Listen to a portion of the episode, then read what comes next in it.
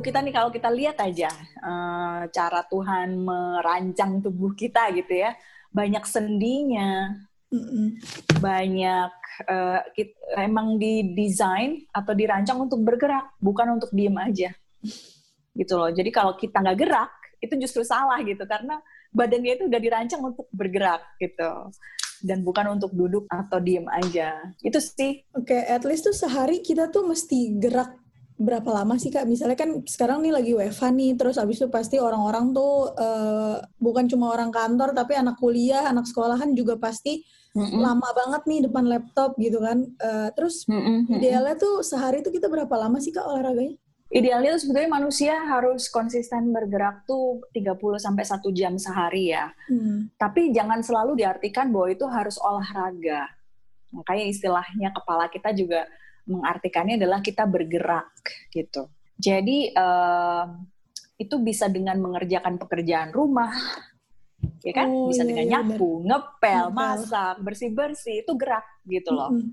Jadi jangan selalu diartikan kalau uh, itu tuh harus berarti ikut ikut kelas atau harus jogging atau harus beli alat apa enggak hmm. buat orang-orang yang misalnya sekarang work from home atau apa school from home gitu ya sebetulnya yang aku selalu kasih tip kemarin-kemarin uh, adalah uh, setiap kali satu jam bunyikan alarmnya untuk jalan. Hmm. untuk get up dari kursi dan jalan. Entah itu uh, ngambil air putih entah itu apa intinya just space around atau jalan-jalan di seputar rumah aja. Karena badan kita itu nggak didesain seperti tadi aku bilang gitu kan nggak didesain untuk diem aja. Mm-hmm. itu begitu kita diem aja lebih dari satu jam kita uh, pasti meningkatkan risiko kita untuk sakit pinggang sakit leher sakit mm-hmm. punggung sakit bahu gitu ya karena emang badan kita tuh nggak dirancang untuk diem gitu loh. Jadi um, pasanglah alarm uh, setiap satu jam. Kalau misalnya masih Zoom call, masih kelas, bisa di switch off sebentar kameranya untuk sekedar kita jalan-jalan di sekitar rumah.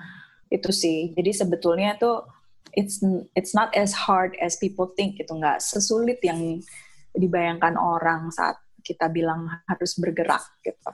Terus kak, uh, kalau kita sebelum ngejalanin diet nih, penting gak sih kalau kita tuh tahu dulu kayak konsultasi ke dokter gizi gitu atau ke kayak kami ya ke healthy coach gitu buat tahu kita tuh harus uh, dietnya tuh kayak gimana? Hmm. Sebetulnya untuk jadi uh, apa ya pegangan untuk semua orang mm-hmm. adalah bahwa uh, tubuh kita itu intinya sih perlu yang tadi ya yang karbohidrat, lemak dan mm-hmm. protein di dalam tiga makronutrisi itu banyak vitamin yang ada di dalamnya yang kita butuhkan ya. Vitamin tuh kayak uh, A, B, C itu tadi semua mm -hmm. itu ya. Nah, uh, karbohidrat ya teman-teman makanlah karbohidrat yang uh, kompleks istilahnya. Jadi kalau nasi itu nasi coklat, nasi hitam, nasi merah. Kalau nggak bisa langsung dicampur aja dulu sama nasi putih gitu kan. Kalau orang Indonesia yeah. kayaknya kalau nggak makan nasi nggak makan gitu kan. Yeah. Nah, Terus pastikan ada sayur gitu ya. Sayur. Karena sayur itu uh, di dalam sayur itu juga ada karbohidratnya, ada proteinnya, ada lemaknya kadang-kadang gitu ya. Kayak kacang-kacangan itu lemak baik. Makanya kalau orang bilang masa sih? Iya, masa sih? Kan tadi uh, aku bilang uh, bahwa makronutrisi salah satunya lemak. Emang ada ya lemak yang baik? Ada. Itu di kacang-kacangan, di alpukat, ada juga di uh, ikan, oh, ikan, ikan yang berlemak kayak salmon, gindara, apalagi patin. Uh, intinya lemak baik itu juga banyak yang ada di di di protein juga ya gitu kayak ikan hmm. ikanan gitu lemak jahat itu saat kita makan gaji, kulit ayam tuh jahat gitu. Tapi kalau saat kita makan justru uh, kacang-kacangan gitu, itu lemak baik. Lemak baik ya kak. Kalau protein itu ada di ikan, daging, ayam, uh, ada juga di kedelai, gitu-gitu kan lentil kayak gitu-gitu ya. Tapi kan orang Indonesia jarangnya makan lentil. Tapi uh, tahu, tempe itu protein. Hmm. gitu loh. Jadi sekarang masalahnya eh, teman-teman itu banyak sekali yang makanannya mm, nggak hmm, diperhatiin sih. Jadi malah kebanyakan karbohidratnya doang. Aduh. Saat kita makan gorengan yang isinya cuma tepung doang, dikasih micin dan digoreng, itu sebenarnya nggak ada isinya apa-apa kan? Nggak ada. Cuman Apalagi minyak ya kak? Karbohid, uh, karbohidrat yang simple karena tepungnya putih, hmm. udah gitu digoreng, deep fried gitu ya, kerendam dengan minyak gitu kan, jadinya nggak um, bagus gitu. Ini sebagai contoh nih buat uh, saya, kalau misalnya kita sarapan pagi, sarapannya rotinya putih sama uh, selai apa strawberry yang sebetulnya bukan selai strawberry tapi selai gula hmm. rasa strawberry itu isinya cuma karbohidrat simple nggak ada vitaminnya nggak ada bagus-bagusnya tapi saat kita makannya nasi pecel hmm. nah itu baru makanannya bagus Gitu Karena ya. ada karbohidratnya bagus, ada Ayuh, sayurnya, ya. ada telurnya, ada kacang, saus kacang, lemak baiknya. Jadi kadang orang suka mikir kalau mau sehat tuh pasti mahal. Iya, iya. Enggak juga, nasi pecel nggak mahal loh. Gado-gado nggak mahal loh. Iya, gado-gado. gitu ya ampun, hmm. ternyata uh, jalanin healthy life tuh nggak sesulit dan nggak semahal itu ya kak ya? Nggak banget. Itu adalah pola pikir yang mesti diubah mm-hmm. saat kita tahu kita melek nutrisi apa sih sebenarnya yang dibutuhin sama badan kita mm-hmm. uh, kita akan mencari alternatif yang lebih sehat Intinya itu sih. Terus Kak, misalnya kalau kita tuh punya penyakit masalah lambung, terus abis itu ngejalanin diet. Nah, itu tuh diet apa sih Kak yang yang cocok nih buat orang yang punya masalah pencernaan? Masalah pencernaan itu karena kita terlalu lama memaparkan kondisi pencernaan kita dengan makanan-makanan yang gak sehat. Hmm. Yang bikin kemudian pencernaan kita itu meradang. Hmm. Intinya itu, ya kan? Berarti pola makannya yang mesti dibenerin. Makan makan aja uh, seperti biasa dan sesuai waktunya, tapi yang dimakan bagus. Dengan itu otomatis pencernaan kita juga jadi lebih baik.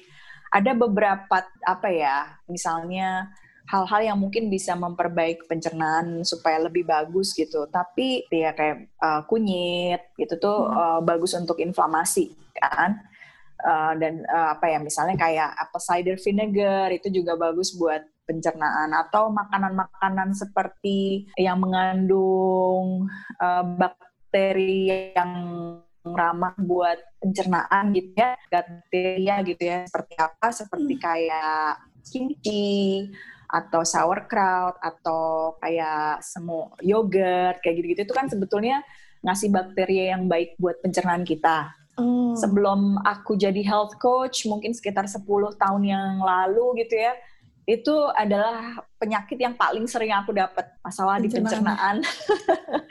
Karena iya, tapi sekarang semenjak lebih melek nutrisi, lebih sadar sama apa yang dimakan, itu nggak pernah lagi hmm. gitu. Nggak pernah lagi beneran karena sering makan sayur makan karbohidratnya juga dipilih yang bagus uh, makan lemaknya juga lemak yang baik gitu ya. Uh, otomatis dia pelan-pelan membaik sih. Oh gitu. Pokoknya intinya mending melek nutrisi yang jelas ya, gini tipnya kalau diet. Aduh, apa tuh kak? Betul, uh, perkaya dirimu dengan perkaya dirimu dengan uh, ilmu soal nutrisi yang baik untuk tubuh. Dan kalau diet ya, diet itu yang diet itu sebetulnya yang membahas cara drastis membatasi entah protein, entah karbohidrat, entah lemak gitu. Dibatasi secara drastis. Nah, itu tubuh pasti protes. Okay. Dan nanti efeknya uh, efeknya justru nggak tahan lama. Ikut sebentar, terus sebentar, baliknya kenceng. Mm-hmm. Jadi uh, yang bagus tuh sebetulnya jangan ngelihat dietnya, diet apa, tapi perkaya perkaya pengetahuan soal nutrisi deh. Jadi perkaya sehingga kita tahu milihnya tuh yang bagus-bagus gitu loh. Mm-hmm. Milih bahan makanannya tuh yang bagus-bagus buat badan kita. Uh, tubuh kita itu kan sebetulnya anugerah yang paling besar dikasih sama Tuhan ya. Mm-hmm. Tapi karena karena ada sama kita setiap hari, mm-hmm. banyak orang yang nyanyain gitu, take it for granted. Jadi kayak oh ya udah dijalanin aja gitu ya. Padahal itu ibaratnya kalau kita punya mobil kan kita selalu pinginnya kalau uh, punya duit tuh dikasih bensin yang paling bagus gitu ya. Iya. Jangan sampai rusak mesinnya gitu. Misalnya kayak gitu kan ya. Mm -hmm. Nah kita mestinya juga mulai berpikir seperti itu sih soal tubuh kita. Apalagi tuh nempel kan 24 jam. Iya. Jadi berikanlah yang terbaik. Sebelum nutup uh, obrolan nih Kak, ada nggak sih tips and trick olahraga yang buat ngimbangin uh, diet di rumah gitu misalnya kayak squat berapa lama, uh, ja, apa ya yang yang enteng-enteng gitu kak yang gampang dilakuin di rumah. Um, tips buat teman-teman yang sekarang stuck di rumah dan pengen olahraga, satu berani untuk mulai. Hmm. Saat kita bilang kita aku pengen olahraga, kita akan mencari. Nah, alternatifnya itu banyak banget. Sekarang di zaman sekarang, apalagi teman-teman yang uh, udah lebih ini ya fasih dalam dunia online, tinggal cari di YouTube, YouTube. gitu ya, cari uh, video yang misalnya body workout at home atau apa-apa 30 menit ol uh, olahraga bareng di YouTube. Kalau males sendirian bisa join kelas-kelas grup uh, online training yang sekarang banyak sekali tersedia. Biasanya di Instagram juga banyak advertising segala hmm. macam. Hmm. So sebetulnya nggak ada olahraga one particular movement yang bisa, nggak ada. Harus dicoba semuanya aja hmm. gitu ya. Nah kalau bingung apa itu tadi cari di internet, di YouTube, di Instagram. Kalau nggak males sendirian join kelas. Join kelas. Itu sih. Tapi buat teman-teman yang baru mulai, banyak banget exercise yang istilahnya body weight exercise hmm. gitu ya jadi menggunakan berat tubuh kita saja gitu dan itu kalau misalnya kita search di internet di YouTube banyak sekali contoh-contoh body weight exercise yang bisa kita coba jadi mungkin uh, bisa juga dimulai dari situ. Oke, thank you kami ya. Semoga sukses terus di pandemi. Ntar kapan-kapan aku join kelasnya karena aku juga lagi diet. Aku juga lagi mau ngimbangin olahraga karena ternyata olahraga tuh juga bisa ngilangin stres ya kak. Karena aku stres oh, banget, banget ngerjain tugas Nanti, akhir. Uh, silahkan uh, follow IG-nya di @movingwithnia. Mm-hmm. Nah nanti kalau di situ pasti ada ada info soal kelas-kelas online ataupun kalau mau, mau personal training sebagainya. Yang penting sih olahraga itu harus ya di saat pandemi ini karena itu tadi bikin kita nggak melebar sama hmm. bikin kita nggak stres karena peredaran darah kita jadi lancar gitu lancar. jadi nggak mumet. Oke okay, Kamia, thank you banget waktunya udah bantuin aku. Semoga kita semua sehat ya kak. Dengan setengah hati. Iya, sama-sama ya. Dah kak, thank you. Yo, thank you Asa. Seru banget ih ngobrolin pola hidup sehat sama Kamia. Jadi tertarik nggak healthy people buat ngubah pola hidup jadi yang lebih sehat? Di episode selanjutnya, aku bakalan ngobrolin topik yang nggak kalah seru nih. Tenang aja, bakalan aku ingetin di Instagram at podcast sehat. So, jangan lupa di follow ya Instagramnya.